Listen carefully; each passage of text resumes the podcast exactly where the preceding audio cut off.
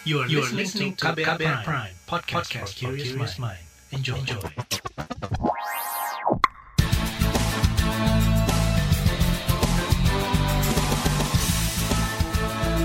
Halo saudara, senang sekali kami bisa menyapa Anda kembali melalui program KBR Sore, edisi hari ini Senin 29 November 2021. Saya Agus Lukman kembali menemani Anda selama kurang lebih 30 menit ke depan Sore ini kita akan membahas mengenai ancaman varian baru virus corona, yaitu yang dikenal sebagai varian Omicron.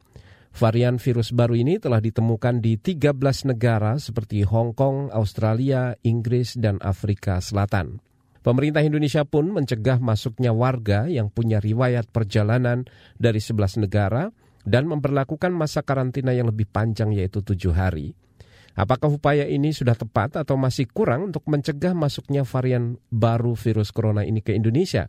Kita akan bahas lengkapnya di KBR sore. Saudara, Satuan Tugas Penanganan COVID-19 mengeluarkan surat edaran yang menutup sementara akses masuk warga pendatang dari 11 negara yang memiliki kasus penularan COVID-19 varian baru Omicron. Virus varian baru ini dikabarkan bisa mengurangi efektivitas vaksin COVID-19. Berikut penuturan Kepala Bidang Penanganan Kesehatan dari Satgas COVID-19, Alexander Ginting, kepada KBR. Setelah kita mendapat laporan dari Badan Kesehatan Dunia, World Health Organization, bahwa ada varian baru yang dimasukkan ke dalam varian of concern, termasuk di situ Omicron bersama dengan Delta, dan bersama dengan uh, beta dan alpha. Jadi varian baru dari Afrika Selatan ini sudah terkonfirmasi menyebar di 13 negara. Dan WHO langsung mengadakan rapat dan kemudian menyatakan sebagai varian of concern. Jadi cukup singkat waktunya dan kemudian ini disampaikan dan bahkan uh, beberapa negara sudah melakukan berbagai pembatasan.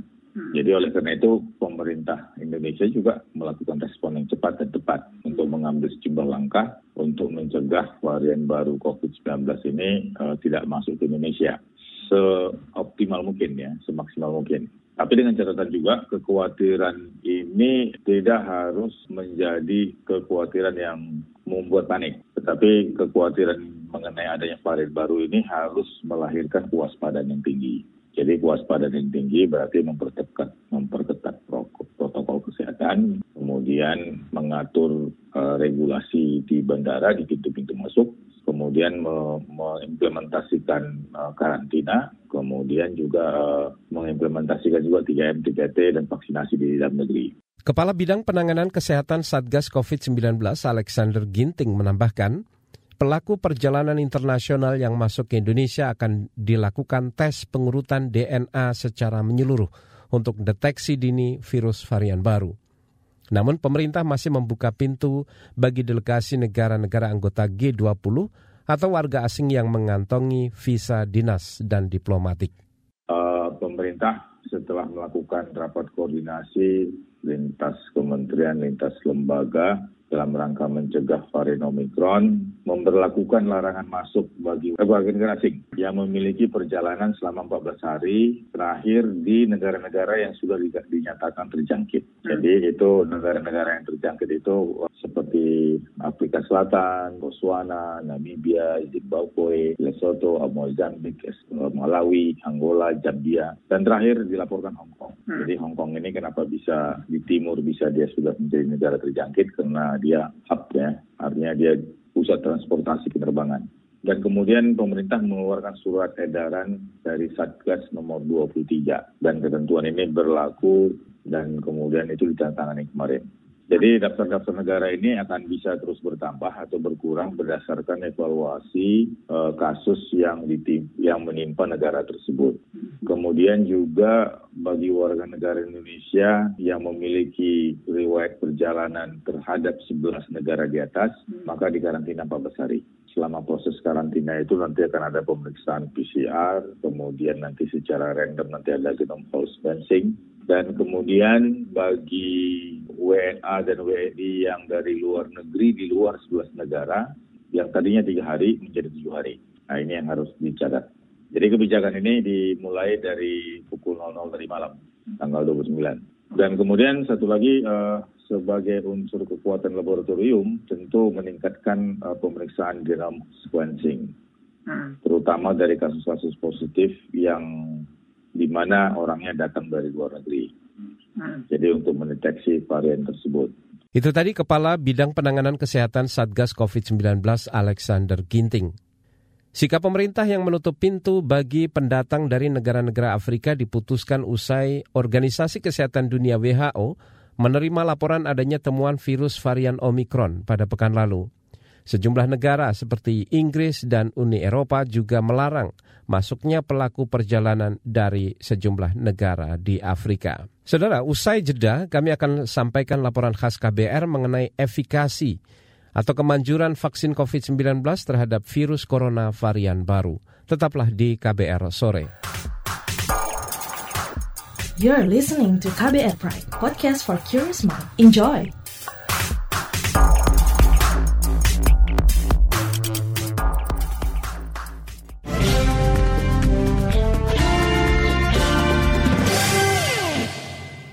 Anda sedang mendengarkan KBR sore. Saudara, vaksinasi menjadi salah satu faktor mencegah penularan atau risiko buruk ketika seseorang terinfeksi COVID-19. Faktor ini masih jadi penentu selain dengan tindakan lain seperti pelacakan, pengetesan, dan perawatan atau 3T. Terutama ketika virus corona bermutasi dan muncul varian-varian baru. Namun masalahnya, target vaksinasi nasional masih belum tercapai. Lalu bagaimana upaya meraih target itu? Berikut Laporan khas KBR disusun Sindu Darmawan. Virus corona varian Omikron mulai menyebar ke sejumlah negara di dunia. Varian ini pertama kali terdeteksi di Afrika Selatan pada 9 November 2021 dan membuat kasus di negara itu melonjak drastis. Pada awal November, kasus baru corona di Afrika Selatan tercatat seratusan per hari.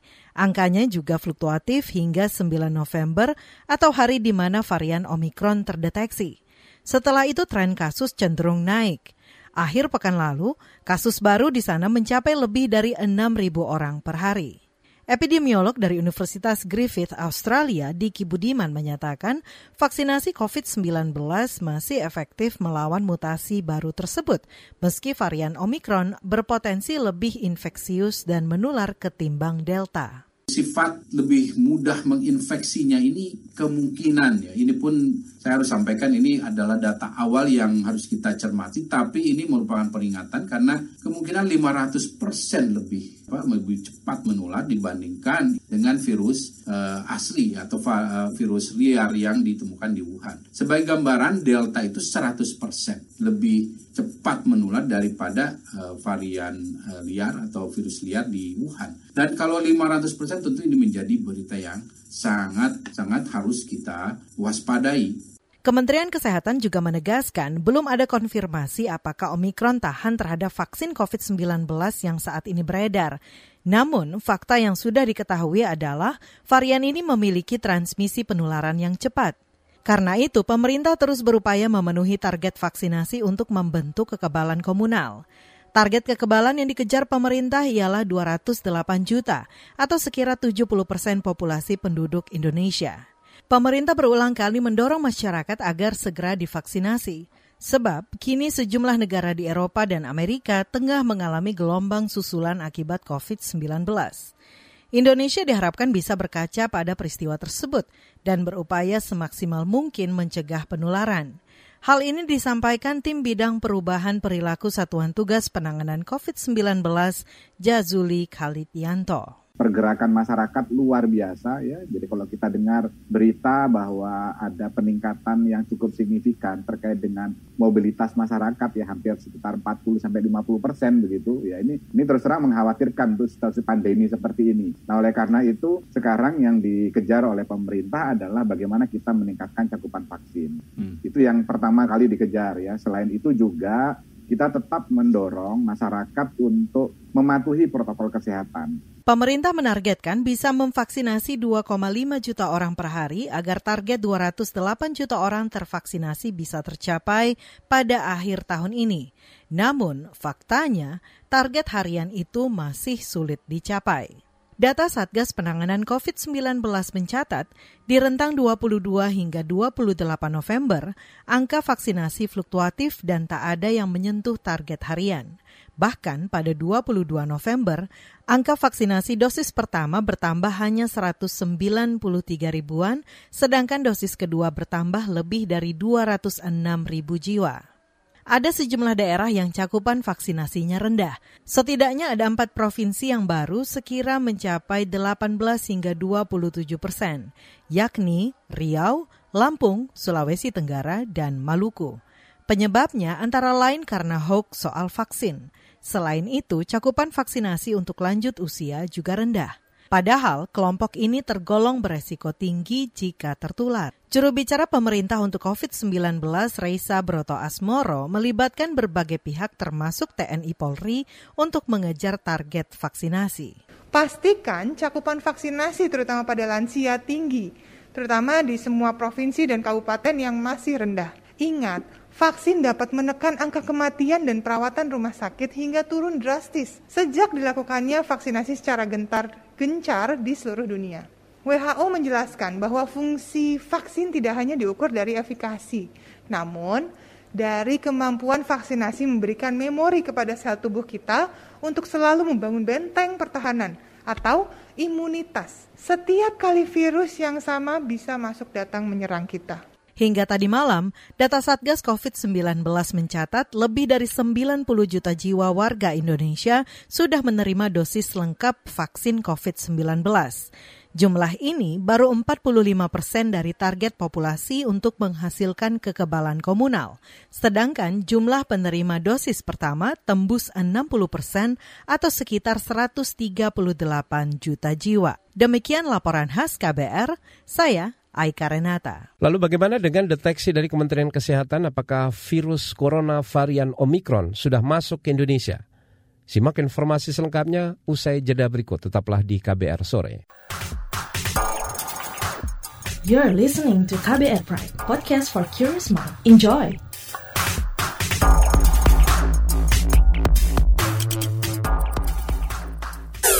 Commercial break.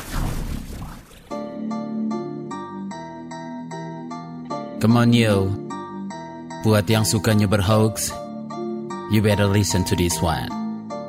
Check this one out yo. Hati-hati kalau baca kabar. Hoax. Jangan langsung disebar kabar yang Hoax. Kalau mau tahu kabar benar atau Hoax. Dengerin cek fakta yang pasti bukan Hoax Dengerinnya setiap Senin yang jelas bukan Hoax. Cuma ada di kbrprime.id Hoax. Dan aplikasi podcast lainnya Hoax Sudah cukup-cukup hoaxnya? Hoax. Cukup Jaga emosi, tahan jari, verifikasi sebelum dibagi. Saya Aribo Sasmito, Ketua Komite Pemeriksa Fakta Mafindo. KBR Prime, podcast for curious mind.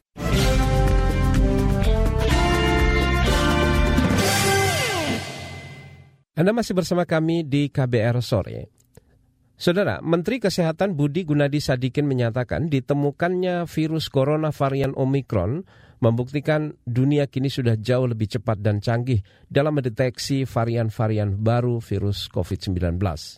Varian Omicron diidentifikasi pertama kali pada 9 November lalu dan dua pekan kemudian varian ini menjadi varian yang dianggap berbahaya dunia dan Indonesia sekarang sudah jauh lebih cepat dan lebih canggih mengidentifikasi varian-varian baru karena varian baru inilah yang menyebabkan lonjakan. Jadi setiap ada alfa, beta, delta, setiap ada varian baru selalu terjadi lonjakan. Jadi faktor utama lonjakan itu adalah varian baru. Nah, kenapa ini menjadi varian of concern cepat? Karena dia mutasinya sangat banyak dan mutasi-mutasi yang berbahaya dari varian-varian sebelumnya ada di sini. Pemerintah pun kini meningkatkan kewaspadaan masuknya virus varian Omicron ke Indonesia. Apalagi Afrika Selatan, Inggris, dan Hong Kong yang menemukan varian Omicron ini merupakan negara dengan tingkat perjalanan paling tinggi ke Indonesia. Kita juga melihat resikonya ke Indonesia gimana. Untuk negara-negara yang sudah terkonfirmasi ada, yang paling banyak penerbangan ke Indonesia adalah Hong Kong, Italia, Inggris, baru Afrika Selatan untuk negara-negara yang kemungkinan Anda ada paling besar dari Belanda, Jerman. Ya, jadi yang sudah pasti ada Omikron, resiko terbesar ada dari Hong Kong, Italia, Inggris, baru Afrika Selatan. Karena penerbangannya sering ya kita.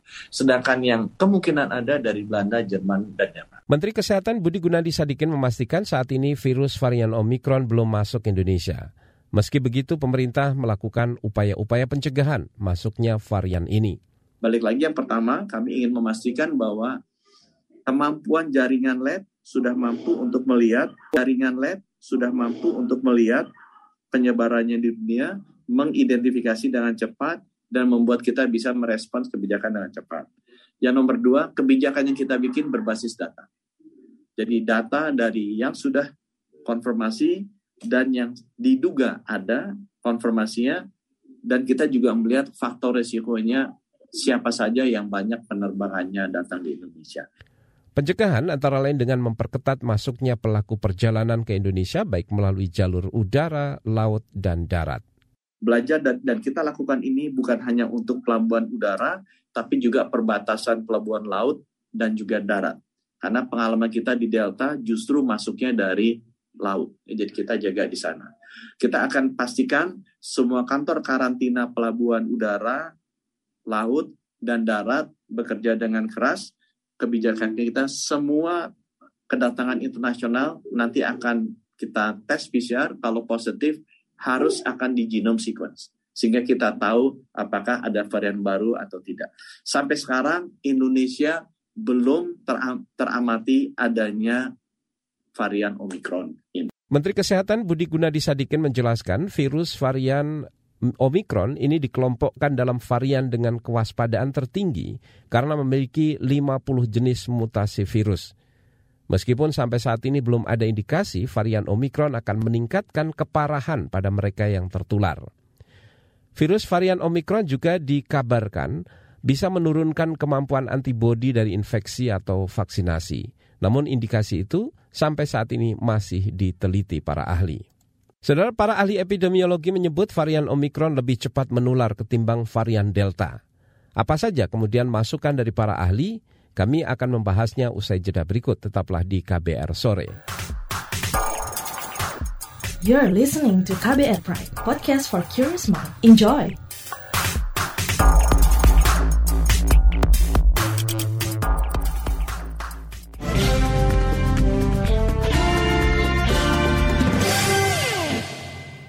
Kita berada di bagian akhir KBR sore. Saudara, kalangan ahli epidemiologi mencatat virus corona varian Omikron kemungkinan menular dua kali lipat dibandingkan varian Delta. Ahli epidemiologi dari Universitas Indonesia, Tri Yunis Miko Wahyono, mendorong pemerintah untuk bertindak cepat mewaspadai penularan varian ini di tanah air dengan menutup akses masuk dari negara yang sudah menemukan varian baru ini. Tri Yunis mewanti-wanti agar tidak mengulangi kesalahan terlambat mencegah penyebaran varian seperti varian Delta yang mengakibatkan gelombang kedua COVID-19 di Indonesia. Berikut wawancara jurnalis KBR Astri Septiani dengan epidemiolog dari Universitas Indonesia Tri Yunis Miko Wahyono. Terkait varian baru COVID-19 Omicron, seberapa berbahayanya sih Pak varian ini dibandingkan varian-varian sebelumnya begitu? Uh, sebenarnya yang bermutasi sama uh, dengan varian apa. Tapi mutasinya luar biasa banyak protein yang terlibat uh, kemudian banyak uh, juga asam nukleat yang bermutasi. Sehingga uh, itu menyebabkan gen yang pertama itu bersifat pada penularan. Penularannya luar biasa uh, cepat begitu dan juga sekuritasnya uh, luar biasa gitu. Artinya uh, akan berat gitu walaupun dia dua kali uh, terkena begitu. Uh, kalau penularannya uh, mungkin uh, kalau dibandingkan dengan uh, varian Delta atau varian yang asli. Kalau varian asli mungkin kalau varian Delta adalah 10 kali lipat ya berarti yang ini dua kali dua kalinya ya. 20 kali lipat begitu. Jadi ya. kalau basic reproduction rate yang asli itu kan 2 sampai uh, 2,4 begitu. Ya, berarti ini uh, basic reproduction rate-nya itu bisa 4 atau eh kalau data 4 ini bisa 8 atau uh, 10 begitu. Lalu apa sarannya Pak terhadap pemerintah untuk agar varian ini bisa dicegah gitu untuk masuk ke Indonesia? Uh, menurut saya sih uh, kalau, kalau kemudian kalau di Belanda ya di Belanda itu ke, ke, kemudian udah ada kasusnya begitu. Jadi menurut saya uh, takut terlambat me, menyetopnya begitu melakukan pengawasan atau memblokade Omikron ini sama dengan varian Delta. Pada waktu kita tahu kita menyetopnya sudah terlambat gitu kan uh, terjadi tsunami COVID di uh, di India itu bulan bulan apa namanya bulan Maret begitu kita stop di Indonesia bulan Maret ya ternyata sudah sudah terlambat begitu. Ya ditutup pada negara-negara yang sudah ada kasus omikronnya tapi Pak ini kan omikron ini sudah ditemukan sejak uh, awal bulan ya. Apakah artinya pemerintah harus men-tracing orang-orang yang selama ini berpergian ke negara yang sudah terdeteksi ada varian ini begitu? Ya harusnya pada negara yang ada omikronnya sudah ditutup harusnya sekarang.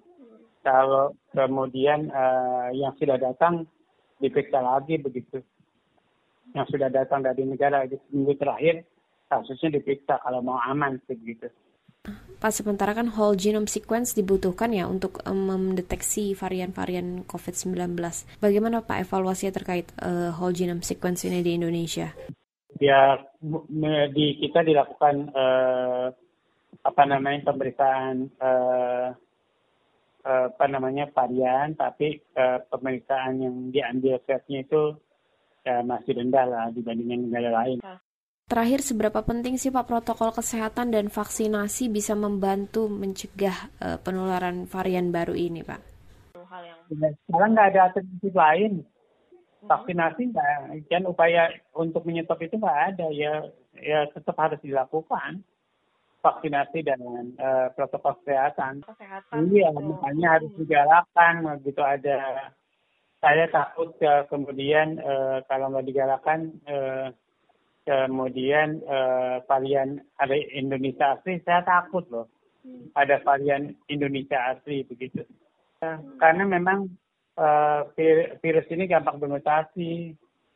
Jadi uh, menurut saya uh, harusnya pada takut begitu. Itu tadi saudara perbincangan jurnalis KBR Astri Septiani dengan epidemiolog dari Universitas Indonesia Tri Yunis Miko Wahyono.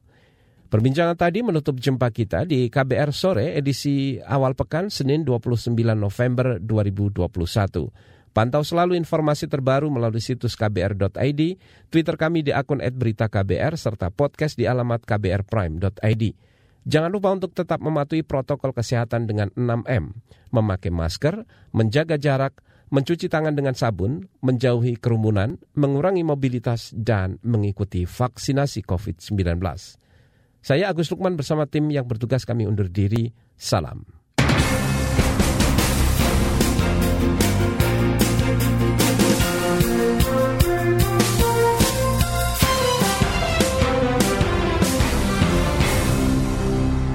KBR Prime, cara asik mendengar berita. KBR Prime, podcast for curious mind.